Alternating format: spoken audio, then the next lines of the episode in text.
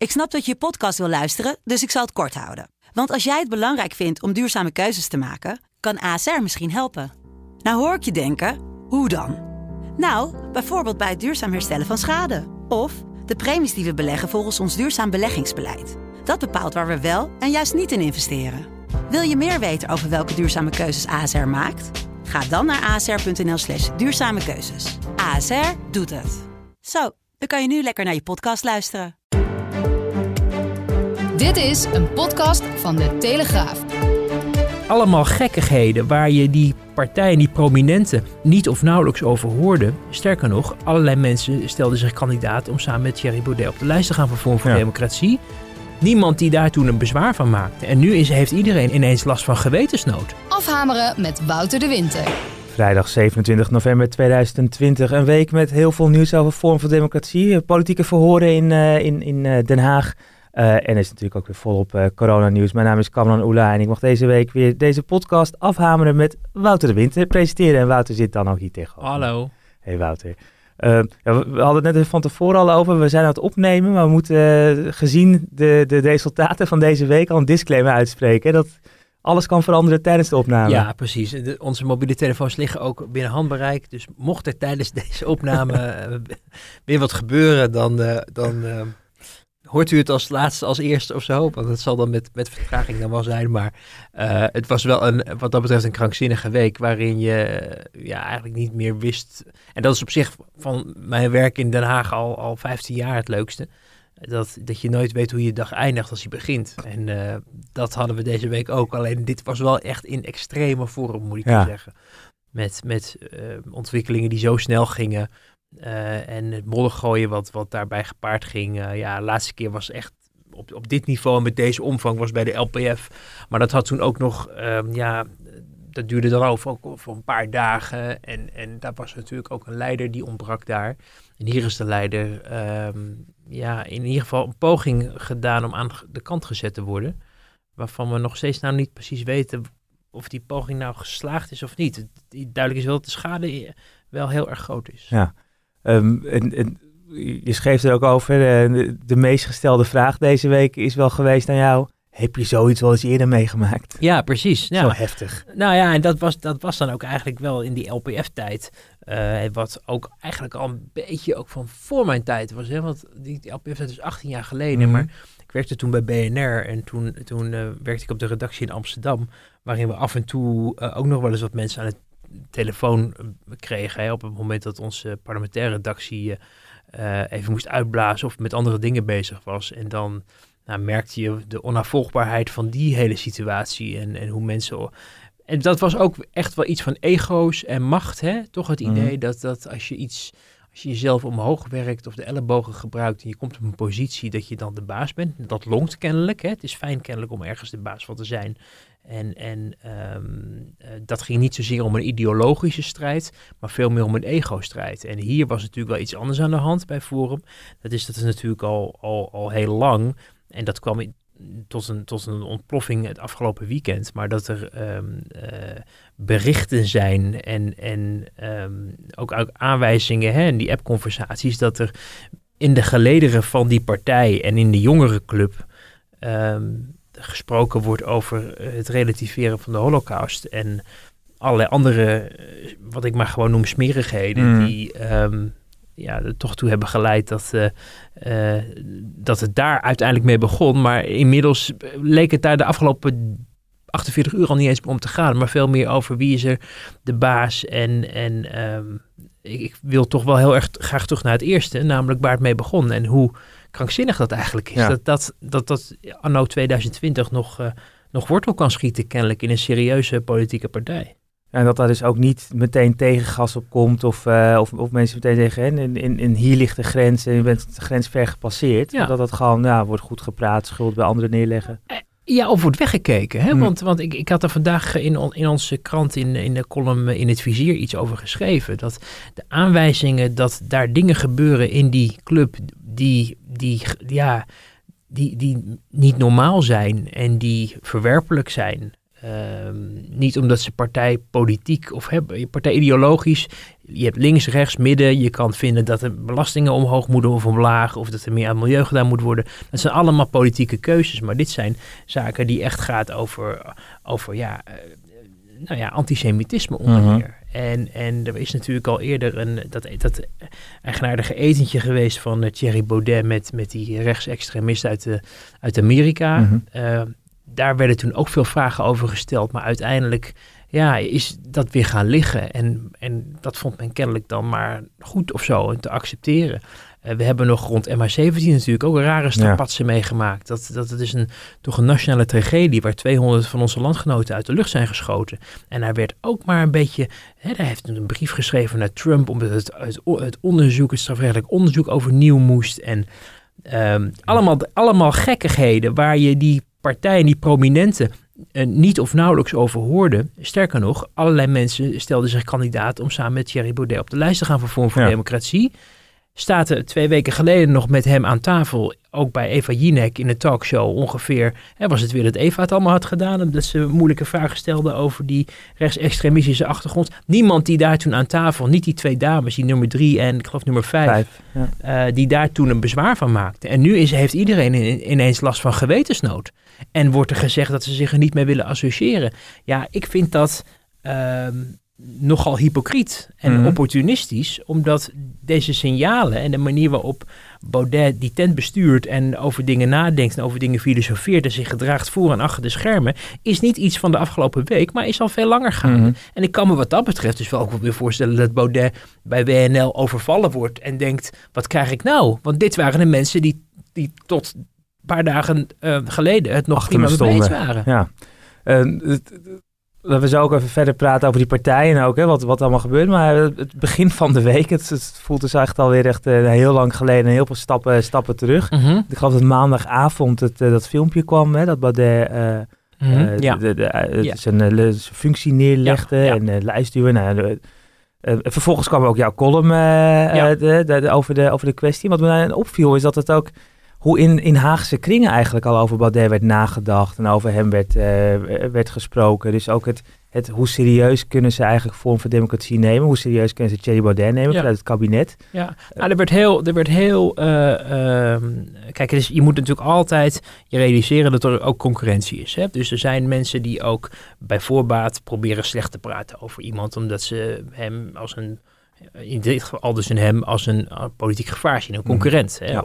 Eh, ter rechterzijde vooral. ehm, dus, dus dat sentiment is al een, is er gewoon. En dan, dus dat moet je eigenlijk ook altijd een beetje wegfilteren, want dat is op zich iets wat over alle partijen wel eh, gezegd wordt. Maar dit was gewoon een eh, dusdanige ongrijpbare eh, beweging, dat Forum voor Democratie, waarin mensen gewoon echt niet wisten waar ze aan toe waren. En waar ministers, die normaal gewoon zijn om steun te vergaren, zeker omdat ze geen meerderheid hebben in, in de kamers van, van de Eerste en Tweede Kamer, dat ze dus ook geacht worden om na te denken, waar moeten we zijn om eh, steun te zoeken voor onze voorstellen. Mhm. En ehm, de- je hoort daar verschillende berichten over. Er zijn, ook, eh, er zijn ook wel dingen die wel zijn gelukt. Ook omdat ze het dan via de Eerste Kamerfractie met Forum hebben geprobeerd. En daar viel nog wel redelijk te spreken. een relatief grote fractie, hard nodig voor het Precies, kabinet. ja. Maar, maar, maar ja, ik sprak ook bewindspersonen die, die aangaven dat ze totaal niet wisten waar ze aan toe waren met hem.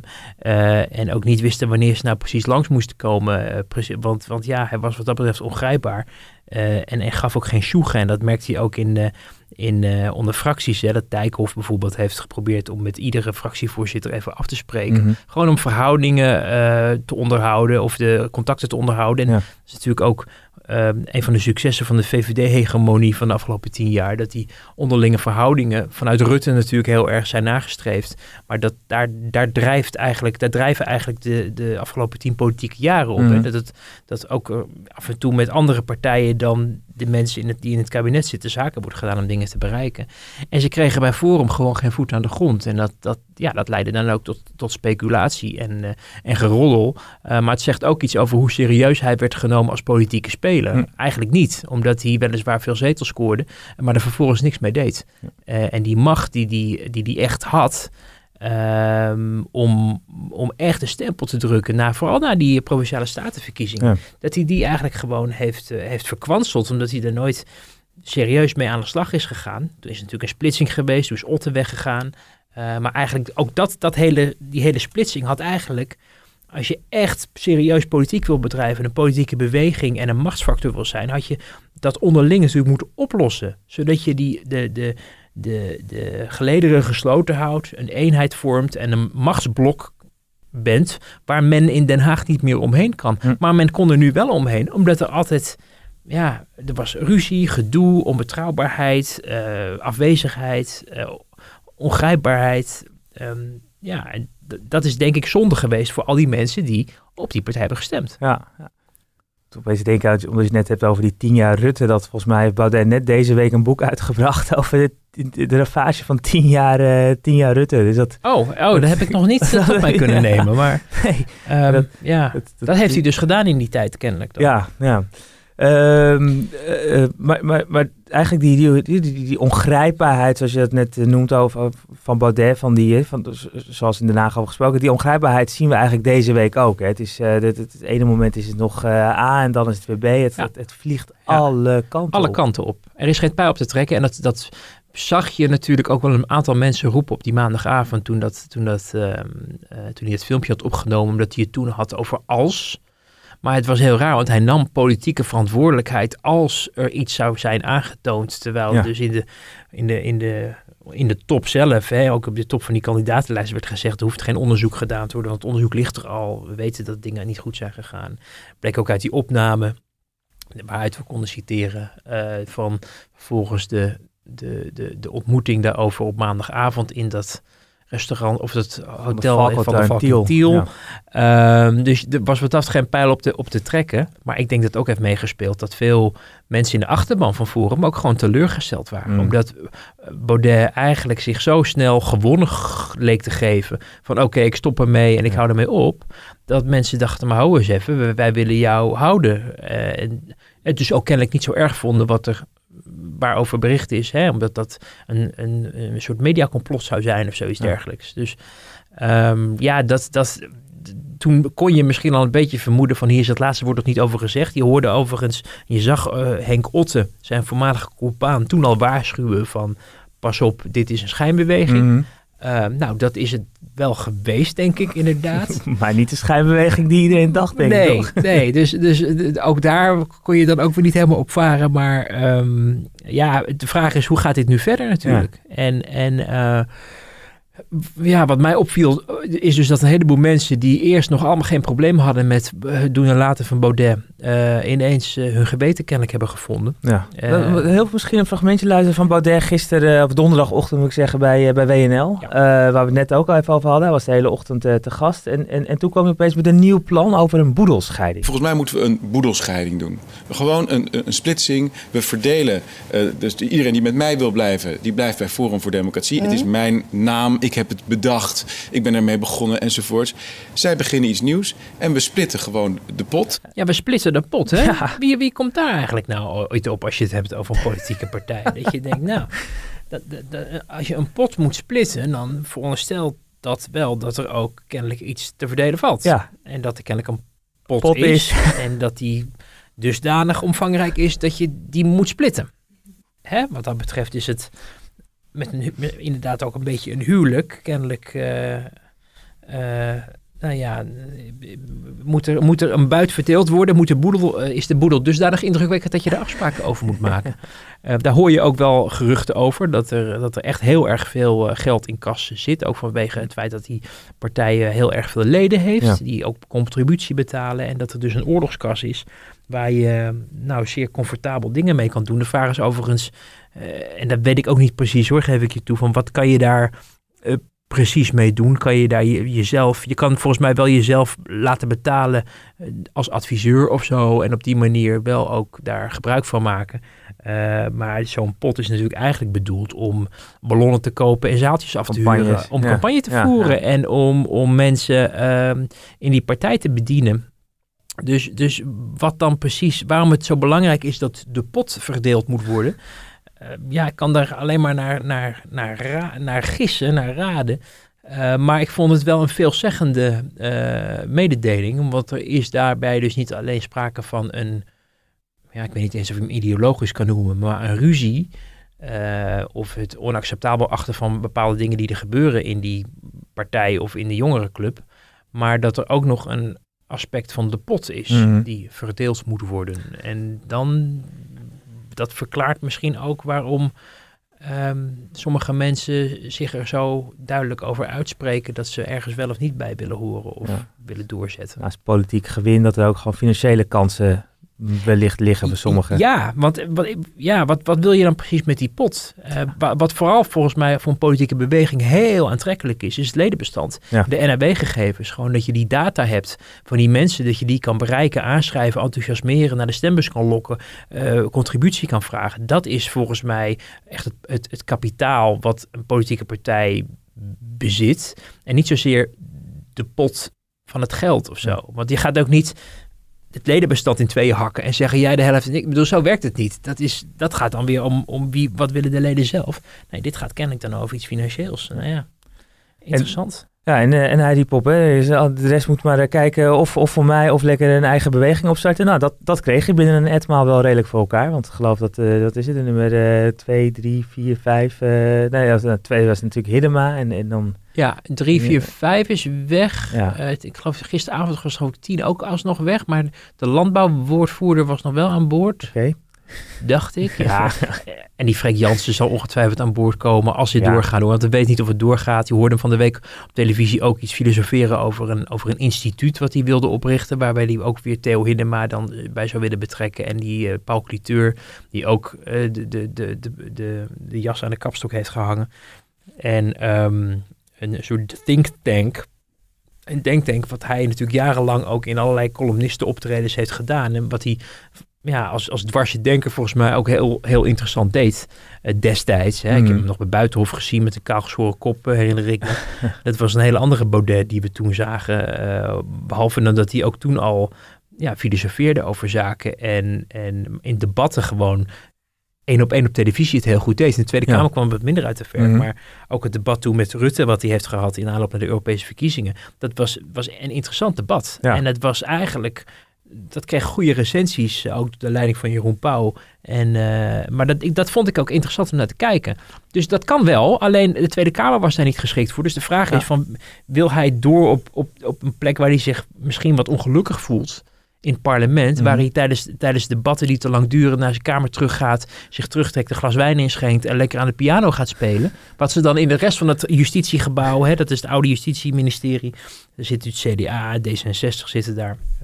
En die hoorden dan ineens piano. Niet best geïsoleerd, dus... eh, Ja, ja, ja, nou, en dat ging, dat ging dan het hele, het hele gebouw Precies. door. Omdat ze denken, oh, Baudet die zit niet in de Tweede Kamer. Die is weer piano aan het spelen. nou ja, weet je, zo... zo en, en intussen werd in de Kamer van alles besproken over corona en weet ik van wat. En eh, ja, ik heb altijd gedacht van, eh, hij, hij, hij, het, het, het past niet echt bij hem. maar Hij is ook niet per se gelukkiger. Hij voelt zich onbegrepen. Hij kijkt toch een beetje neer op, op het hele politieke spel in Den Haag. En, en iedereen die daar werkt eigenlijk ook. Eh, en een think tank zou, zou op zich wel kunnen. Alleen ja, is, is dat voldoende voor hem? Ja. Die schijnwerpers, eh, hoe je het ook bent verkeerd, maar daar zullen we het zo nog op een ander onderwerp ook over hebben. mm. Schijnwerpers, eh, die, maken, eh, die wekken een soort verslaving op in mensen. Hè? Als Ja. iedereen tegen je zegt dat je heel erg goed bezig bent, dan ga je het nog geloven ook. Dus het- voordat we naar die andere onderwerpen toe gaan, nog één t- toch wel dus, sa- saillant detail is dat die Hiddema, Theo Hiddema heeft natuurlijk een brief geschreven aan de Ja. Kamervoorzitter, hij, hij gaat weg. En eh, op die lijst van vorige keer staat Henk Otto plek 4, omdat Suzanne Teunissen al eerder heeft aangegeven van joh, ik, eh, ik ga dit niet doen, dus ik bedank. Ja. Is de mogelijkheid nog altijd open volgens mij, als ik het, ten, tenzij ik iets gemist heb, dat Henk Otto dus straks Ja. gewoon eh, naast Baudet komt te Ja. zitten. Ja, ja die mo- mogelijkheid is nog steeds open als, als Hiddema te- tenminste het nu niet zich alsnog terugtrekt qua dat hij heeft gezegd dat hij weggaat.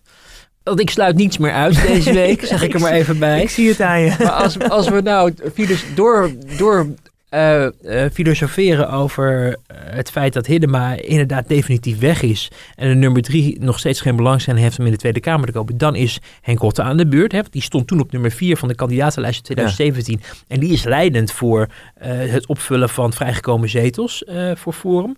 Dus dan komen ze bij Henk Otte en die moet een beslissing nemen en die moet zichzelf afvragen of hij in de Tweede Kamer, waar je netto nog, nou, uh, volgende week nog, nog, nog twee weken vergadert. Dan nog drie weken januari en februari. Dus laten we zeggen iets, iets van twee, twee maanden. Eigenlijk nog in de Kamer bent als Tweede Kamerlid. Uh, en 17 maart is het klaar. Ja. en hij zit nu in de Eerste Kamer natuurlijk als senator. En daar kan hij nog 2,5 jaar door. Ja. Dus hij heeft die positie en die statuur en die ook de schijnwerper van de Senaat op zich. Terwijl als hij naar de Tweede Kamer zou gaan, uh, het allerminst zeker is dat hij uh, herkozen wordt uh, op zo'n korte termijn met een eigen club. Um, en dan ook geen podium meer heeft op het moment dat de termijn van de Tweede Kamer verstreken ja, is. Ja. Ja, want het was, ik, ik ben de Queen's Gambit aan het kijken op Netflix, dus ik kan opeens heel goed oh, schaken. heb ik nog niet gezien. Dus nee, dan, wel, wel een aanrader, maar dat is een andere podcast. Maar ja. Uh, want eerst was nog sprake als die nummer drie, die is ook, uh, die, die, mevrouw Pauw, die zit nu ook in de Senaat. Als ze dan drie zetels halen, dan komt die naar de Tweede Kamer. En dan kan, ja. zou Henk Otter weer terug kunnen. Maar ja, zij is nu geen, hè, ze trekt zich terug. Dus, dus die optie valt eigenlijk ook weer Ja. een beetje weg. Uh, dat, want anders zou Henk Otter natuurlijk altijd nog weer gebeld kunnen worden door de griffier van de Eerste Kamer. Als daar een plekje vrijkomt. Dat zou, ja, dat, dan, maar dan moet je daar ook een onderling ook weer een afspraak over maken. en, uh, daar zijn ze niet zo goed in. nee, dus ik, het is wat dat betreft echt, uh, uh, ja, my, my, guess is as good as yours. Um, ja. Mijn vermoeden is als je echt um, voor de lange termijn nadenkt en je wil die politieke beweging van Henk Otte echt goed opbouwen. En um, dat vereist organisatie, voorbereiding, uh, achterban opbouwen, um, investeringen in mensen. Dan is die, die twee maanden Tweede Kamer um, niet de meest voor de hand liggende stap. Nee. want je zit langer in de Eerste Kamer, mm -hmm. hebt langer daar een podium, kan langer daar dingen voor elkaar uh, krijgen. Of in ieder geval uh, proberen aan de macht mee te doen. Mm -hmm. En uh, in de Tweede Kamer is het wel heel snel voorbij. Ja. Het gaat natuurlijk ook in de Tweede Kamer uh, nu nog vooral over corona. De begrotingen zijn bijna allemaal achter de rug. En daarna is het klaar. En Mm -hmm. daarna beginnen de verkiezingsdebatten. En dan ben je je, je podium, want dan begint het krakeel zo luid te worden dat je je podium kwijt bent. Ja. Dus ik zou politiek strategisch verwachten dat hij in de Eerste Kamer blijft.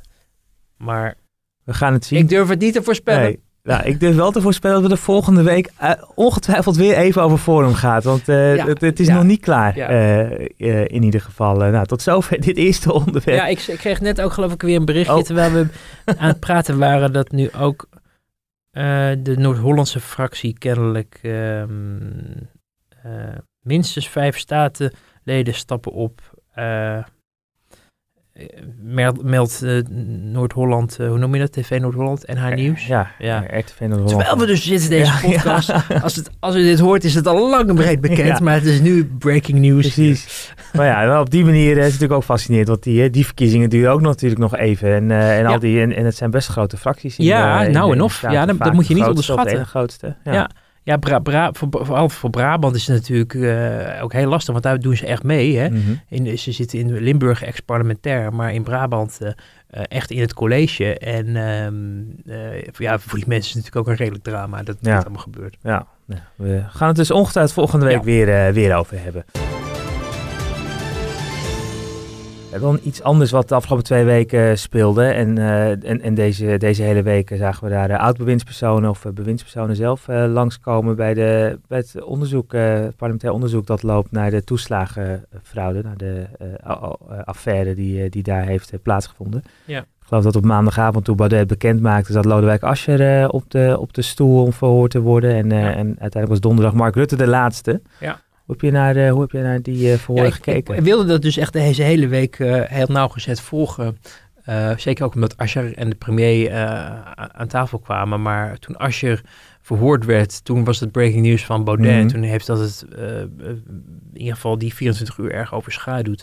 Later in de week kon je dan wel weer goed aanhaken. Ook nu de afgelopen dag met, dat was donderdag met, met Hoekstra en Rutte. En het is een heel breed onderwerp, hoewel het ook zich heel erg concentreert natuurlijk op hè, de, de, de toeslagenaffaire. Uh, maar wat er allemaal is misgegaan en hoe dat is gegaan. En natuurlijk het verschrikkelijke leed wat de ouders heeft getroffen en, en veel van hen nog steeds treft, hè, die nog steeds op geld zitten te wachten, dat is onbeschrijfelijk. En, ehm, eh, maar er is ook al heel veel over gezegd.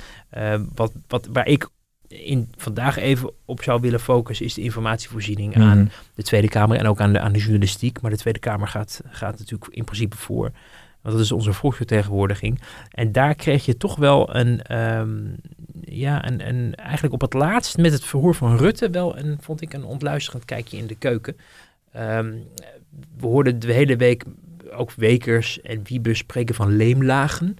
Waardoor signalen in de, eh, eh, en informatie in de organisatie van de Belastingdienst, waar 30.000 man werken, niet doordrong tot het hogere niveau. En dus ook niet tot eh, de staatssecretaris. Wiebes had het zelfs over twee leemlagen. Je had een leemlaag tussen de vloer en de top van de Belastingdienst.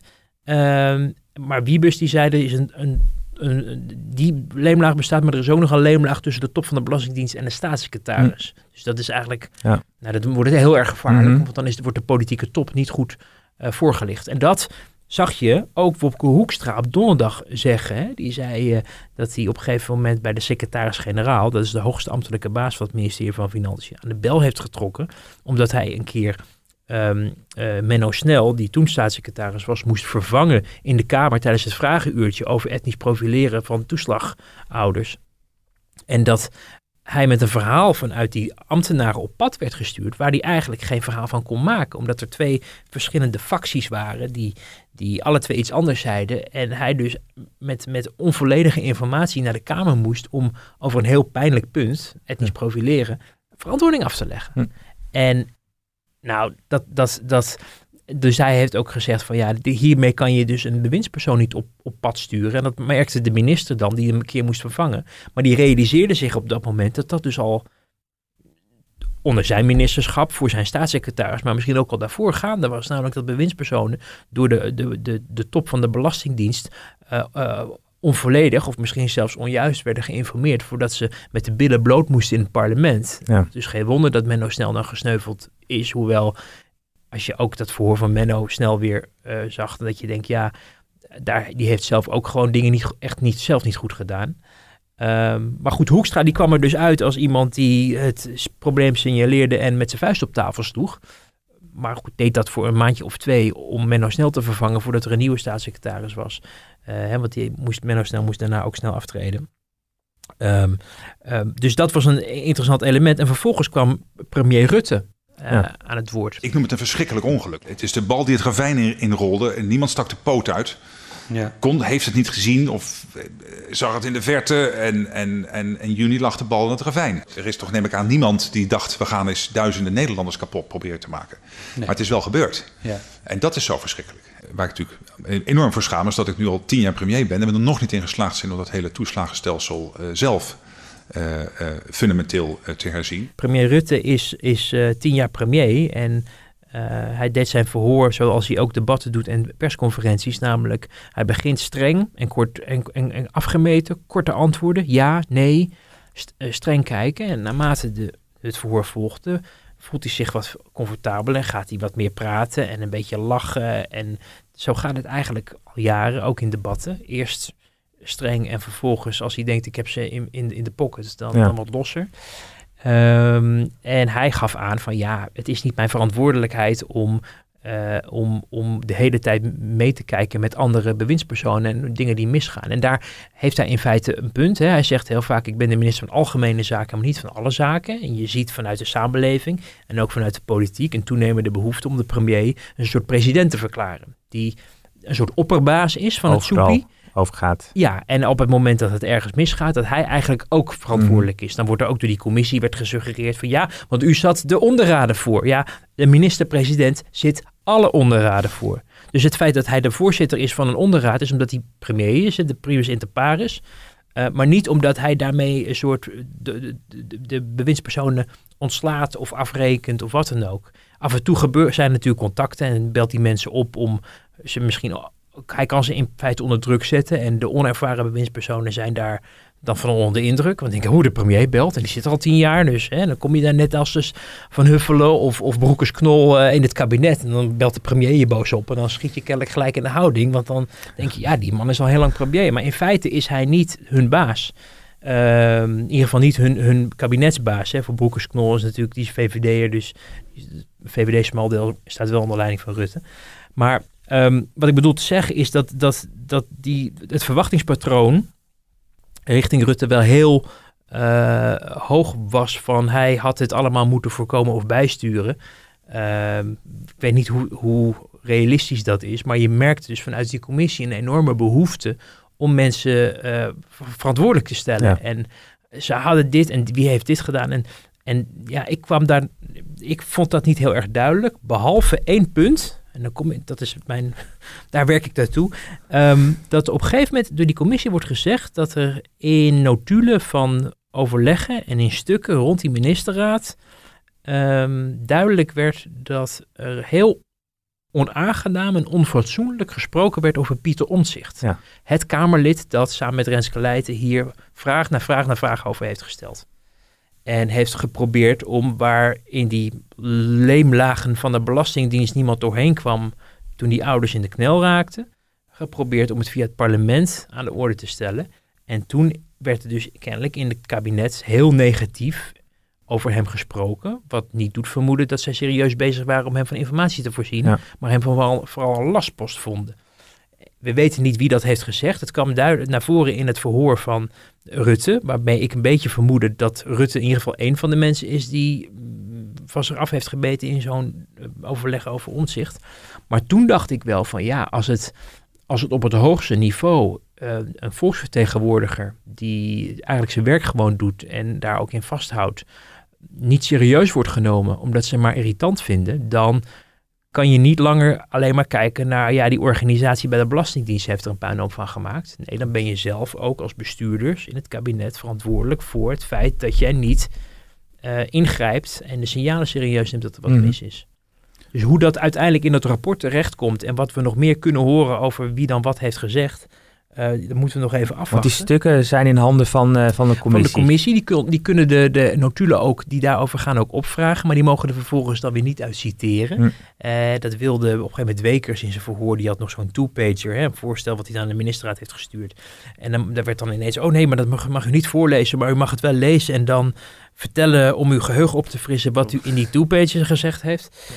En uh, dus uit de notulen, want notulen zijn staatsgeheim, de 25 jaar. Ja. Uh, maar ik, ik, ik vond wel, dat wel iets waarvan ik dacht, ja, daar kan je dus ook als premier niet zomaar mee wegkomen. Als jij van de volksvertegenwoordiging achter de schermen wegzet als, als, uh, ja, als idioten. En, en dan neem je je werk in feite niet serieus. Want het is de taak van de volksvertegenwoordiging om het kabinet te controleren. En als je die signalen negeert, dan maak je jezelf wel mede verantwoordelijk voor het drama, vind ik. Als ik het ook goed begrijp, kwam er ook iets, uh, iets in terug. Want uh, collega Leon Brandsema die heeft daar uh, continu bij gezeten. en als ja. het Saskia Belleman zit te twitteren. dus ik heb, het, ik, ik, heb het een beetje mee, een beetje wel proberen op die manier Leon, te, te, Leon Belleman, ja. ja.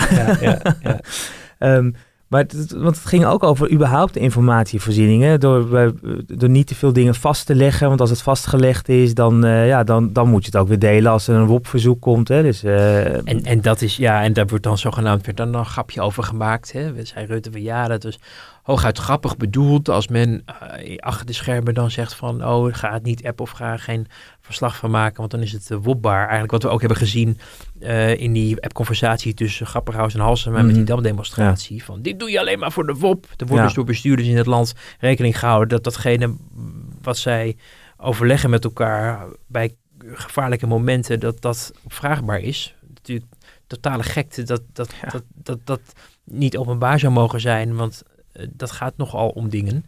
Um, en, en het is wel wat dat betreft een, uh, een uh, vind ik, een, een kwalijke en verkeerde ontwikkeling. Um, die, en dan uh, kom ik toch ook weer even terug op het punt van hè, de omzicht die dan als lastpak maar mm-hmm. wordt gezien. Um, de reflex om dingen um, niet op te schrijven en geheim te houden. De beraadslaging in het katshuis. Hè? Want als we, als, we, als we nu kijken, nou dit is met de kinderopvangtoeslag gebeurd. is het uniek of gebeurt het op veel meer fronten? En dan denk je toch gelijk aan corona. Want corona is het grote onderwerp. Daar wordt van alles over beraadslaagd, met elkaar besproken. En de belangrijkste be besprekingen erover zijn in het katshuis op zondag, eens in de twee, drie weken.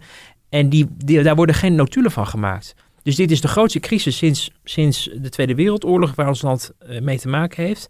Maar eh, hoe besluiten tot stand komen blijft een black box die we gelukkig in kranten als de Telegraaf kunnen lezen over wat er achter de schermen gebeurt. En ook nog gelukkig ook in wat andere kranten. Uh, maar dat is op zich natuurlijk wel vrij ernstig dat um, de overheid probeert, uh, eigenlijk het kabinet, om op hele cruciale punten dingen uh, onopvraagbaar te maken. Mm -hmm. uh, omdat ze bang zijn voor hun eigen hagiet. Terwijl je zou eigenlijk, omdat het over zulke belangrijke dingen gaat, waar mensen, het gaat over de gezondheid, maar ook over, de, over het welzijn en de economische voorspoed van burgers en bedrijven. Je wel mensen op een gegeven moment wel op zou moeten kunnen aanspreken mm. waarom ze die beslissingen genomen hebben. Ja. En hoe ze daarbij zijn gekomen. En die trend van hou alles maar geheim en verzin listen om maar te zorgen dat het niet opvraagbaar is, vind ik zorgelijk en ongewenst. En ik hoop dat de commissie, de Tweede Kamer ook um, een rapport geeft waarbij daar een einde aan kan worden gemaakt. Het rapport komt nog voor de kerst, geloof ik, uh, uit. Ja, uh, de laatste dag voor het kerstreces. Uh, dus dat is de... 17 december? Je hebt volgens mij 12 december. Okay. En dan wordt er in, het, in januari over gedebatteerd. Okay. Dus, dat, uh, dus de verhoren zijn nu uh, klaar voor, uh, voor de kerst nog het rapport en dan ja. het debat ja. na het kerstreces. Ja. Want het ging al even over corona. Dat, ja. Je hebt het al over, het mooi bruggetje naar de informele overleggen die zitten plaatsvinden. Zitten we alweer in de bonusminuut? Ja, we zitten volgens mij al oh, dik in de, in de, in de, in Maar die, wordt, die vinden gretig aftrek, weet ik ja, Dat weet jij dan weer. Ja, ik kreeg, ik kreeg daar wat, wat reacties op dat mensen dat toch wel prettig ja. vonden. Ja, ik kreeg ook een verzoek of ik Jip en Janneke wilde voorlezen. Maar, uh, oh. maar ik dacht, uh, dat, dat, dat doe ik niet. Nee, dat laten we gewoon aan ieder zijn hobby. Maar de, nou, de informele overleggen die, die, dus, die dus plaatsvinden, waar ook bijvoorbeeld Jaap van Dissel bij aanschuift. Ja. Ja. bij, de, bij, de, bij de kabinet. Dat, überhaupt, is, is, is er nieuws op dit moment? speelt er nou, wat? we hoorden dinsdag een beetje in de marge in de Tweede Kamer dat Hugo de Jonge heeft gezegd dat de cijfers allemaal weer tegenvielen en dat we tot nergens op moesten rekenen. Dat leidde tot op, ophef en boosheid in, in de Tweede Kamer. Bijvoorbeeld bij Geert Wilders, die zei ja, weet je, wij, wij horen niks. Er wordt nu even in de coulissen iets tegen journalisten verteld en wij moeten nog tot 8 december wachten tot we daarover mee ja. gaan, uh, over gaan praten. Terwijl het uh, bijvoorbeeld gaat over horecaondernemers die nog steeds niet weten waar ze aan toe zijn met, met de kerst. En um, niet zo makkelijk van de ene op de andere dag open kunnen zonder dat ze daarvoor uh, inkoop hebben gedaan, mm. voorbereiding getroffen, et cetera. Um, dus dat leidde tot ophef. En toen heeft, moest, moest Hugo de Jonge weer een briefje schrijven waarin hij zegt dat hij het toch allemaal niet zo bedoeld had en niks heeft willen zeggen. En um, ja, dat, dat, dat was allemaal weer erg onhandig. Um, maar wat mij deze week ook opviel, en dat hoor je de laatste tijd wel in toenemende mate ook in het kabinet, ja. dat uh, er mensen zijn in, um, uh, in de publiciteit, die we allemaal kennen, die Diederik Gommers, Ernst Kuipers, Jaap van Dissel was toevallig uh, donderdagavond bij Nieuwsuur, maar die zie je dan weer heel weinig. Maar alleen bij Nieuwsuur, eens in het half jaar geloof ik. maar vooral Gommers en, en, en um, Kuipers. Kuipers, dat men wel uh, zich enigszins begint te storen aan hun positionering. Hm. Dat, uh, en dat bijvoorbeeld bij Gommers, die met Instagram-accounts, en ik, ik krijg dan door, door vrienden ook wel eens een appje, een, een plaatje doorgestuurd dat hij weer weet niet, wat was hij aan het vissen of zo, of hardlopen of wandelen. Ja. Hij was iets aan het doen wat niets te maken had met onze nationale health, maar waar we wel deelgenoot van werden gemaakt, omdat die man ook eens een beetje is aangestoken door, waar ik net over had, dat, dat virus van de schijnwerpers. Dat op het moment dat je in de publiciteit bent en mensen zeggen, oh je bent een held, Diederik, je bent geweldig, je bent een knuffelbeer. Dat mensen denken, oh ik ben een knuffelbeer. Nou, knuffelberen gaan ook wandelen. Dus laten we dat op de, op de, op de Instagram uh, flikkeren of op, de, op, of op Twitter of wat dan ook. En je ziet wel dat ze in het kabinet ook wel denken van, ja, uh, het moeten ook geen bekende Nederlanders worden. Dat zijn ze wel al. Mhm. Maar ze gedragen zich een beetje. Hè, binnenkort is het koken, uh, koken met Diederik of zo. Bij Max op Nederland 1. Dan kunnen mensen meekijken mee wat voor heerlijke lasagne-schotel hij gaat maken. Weet je, daar, daar, zijn ze in het kabinet wel beducht over. Omdat ze denken dat dat de aandacht wel erg afleidt. En ook die mensen ook uh, doet verleiden om uitspraken te doen. die veel mensen serieus nemen. omdat ze een Ja. autoriteit zijn geworden en een witte jas dragen. Maar die ook mensen op het verkeerde been kunnen zetten. En ik hoorde toevallig gisteren al, uh, hier werd Kelder bij op één, het, het woord um, artsengroenta gebruiken. Is dat een beetje op zijn jorts natuurlijk, maar het is niet helemaal iets wat alleen bij hem gevoeld wordt. Er zijn meer mensen, ook in Den Haag, die vinden, schoenmaker hou je bij je leest. Mhm. Vertel ons hoe het staat met de, met de bedden, maar ga geen voorspellingen of verwachtingen uh, zeggen van, dit moet je, sta kerst maar een jaartje over. Nou, dat Want- heeft Gommers nu gezegd. Hè? Ja. Dat- laten we kerst dit jaar maar overslaan. Ja, nou daar gaat hij niet over. En ik heb in een van zijn vele interviews al eens gehoord dat hij niet zoveel om kerst geeft. Wat misschien ook weer doet verklaren waarom hij het niet zo belangrijk vindt. Maar voor een heleboel mensen eh, is het wel belangrijk. Hè? Mona Keizer, de staatssecretaris van Economische Zaken, zei gisteren ook bij op één dat ze gelijk door haar, ik meen haar moeder, gebeld werd eh, van oh, ehm, wat gaat er gebeuren en kom je me niet opzoeken met Mm. kerst. En dat tot bezorgdheid leidde. Ja. Eh, dus laten we eens kijken hoe dat zich de komende weken gaat ontwikkelen. Of we die mensen elke keer maar weer zien optreden en steeds meer van hun pad af zien gaan. Namelijk het pad van de medische expertise. Ja. Eh, en, en geen zijpaden zien nemen voor eh, wat mensen voor kerstboom moeten kopen en dat soort dingen. Nou. Om het maar even te chargeren. Ja, ik, eh, ik begrijp dat dat gechargeerd is, ja. Ehm, we, we gaan het komende, komende week zien, want in ieder geval, je noemde het 8 december al, dus hè, de- de- echt hoe het met de maatregelen verder gaat, of de horeca misschien open gaat, wat met kerst, wat advies is, dat, Ja. dat komt pas eh, eh, 8 over, december, over, ja. nu over tien dagen. Dus ja, dus dat zal in dat weekend daarvoor gaan ze weer naar het katshuis. En dan, eh, nou, kan het zomaar gebeuren dat het weer ergens op een veelgelezen nieuwssite opduikt. Nou, dan gaan we die veelgelezen nieuwssite maar blijven volgen. En, eh, en, en voordat we dat doen, eh, dat doen we natuurlijk continu, is er ook weer een podcast. Want volgende week zijn we er weer. Ik denk dat we er doorheen zijn, Wouter, met inclusief bonusminuten. Heel graag. En nu moet jij nog iets over die sterren zeggen. Oh ja, eh, ja sla je slag. Eh, eh, ja, de- de- je kan een review achterlaten. Als je dit punt hebt gehaald, dan heb je waarschijnlijk met heel veel aandacht geluisterd. En, Ja, eh, en, en, En ben je nog niet in slaap gevallen. Kijk. Dus dat is weer... en als je dan nog één ding doet, namelijk een review achterlaten, hoe geweldig je het vond. En als je het minder dan drie sterren vindt, dan denk er nog over na. Doe het laat, doe maar niet. En als het vier of vijf is, doe het dan vooral. Oké, genoeg. Goed, volgende week. Dankjewel. Wil je meer podcasts luisteren? Probeer dan ook eens Kwestie van Centen, de financiële podcast van De Telegraaf. Waar moet je als ondernemer nou op koersen? Je krijgt van het kabinet de opdracht, pas je maar aan. Ja, waar, waar, waaraan dan precies? Dat nieuwe normaal, dat bestaat eigenlijk helemaal niet. We zijn onderweg naar een oud normaal. En wellicht dat dat volgend jaar zomer al ongeveer gaat beginnen. Met de scherpe analyses van Martin Visser, ons zonnetje in huis. Het nieuwe normaal is natuurlijk uiteindelijk een verneukeratief frame. Het is net als de intelligente lockdown, vind ik het eigenlijk pure bullshit. Dit is niet normaal. Je moet ook blijven zeggen dat het niet normaal is. Dat we nu in een tijdelijke fase, die veel langer duurt dan we zouden willen, maar hij blijft wel tijdelijk, ons extreem moeten aanpassen om die situatie te managen. Maar dat betekent niet dat er achter de horizon een totaal veranderende samenleving ligt. En Herman Stam, Nou, ik was in ieder geval blij eh, dat jij nu juist een beetje wat meer de positieve toon en meestal zijn de rollen iets andersom. elke vrijdag een nieuwe aflevering. Te beluisteren op de site of in de app van De Telegraaf of via je favoriete podcast-app.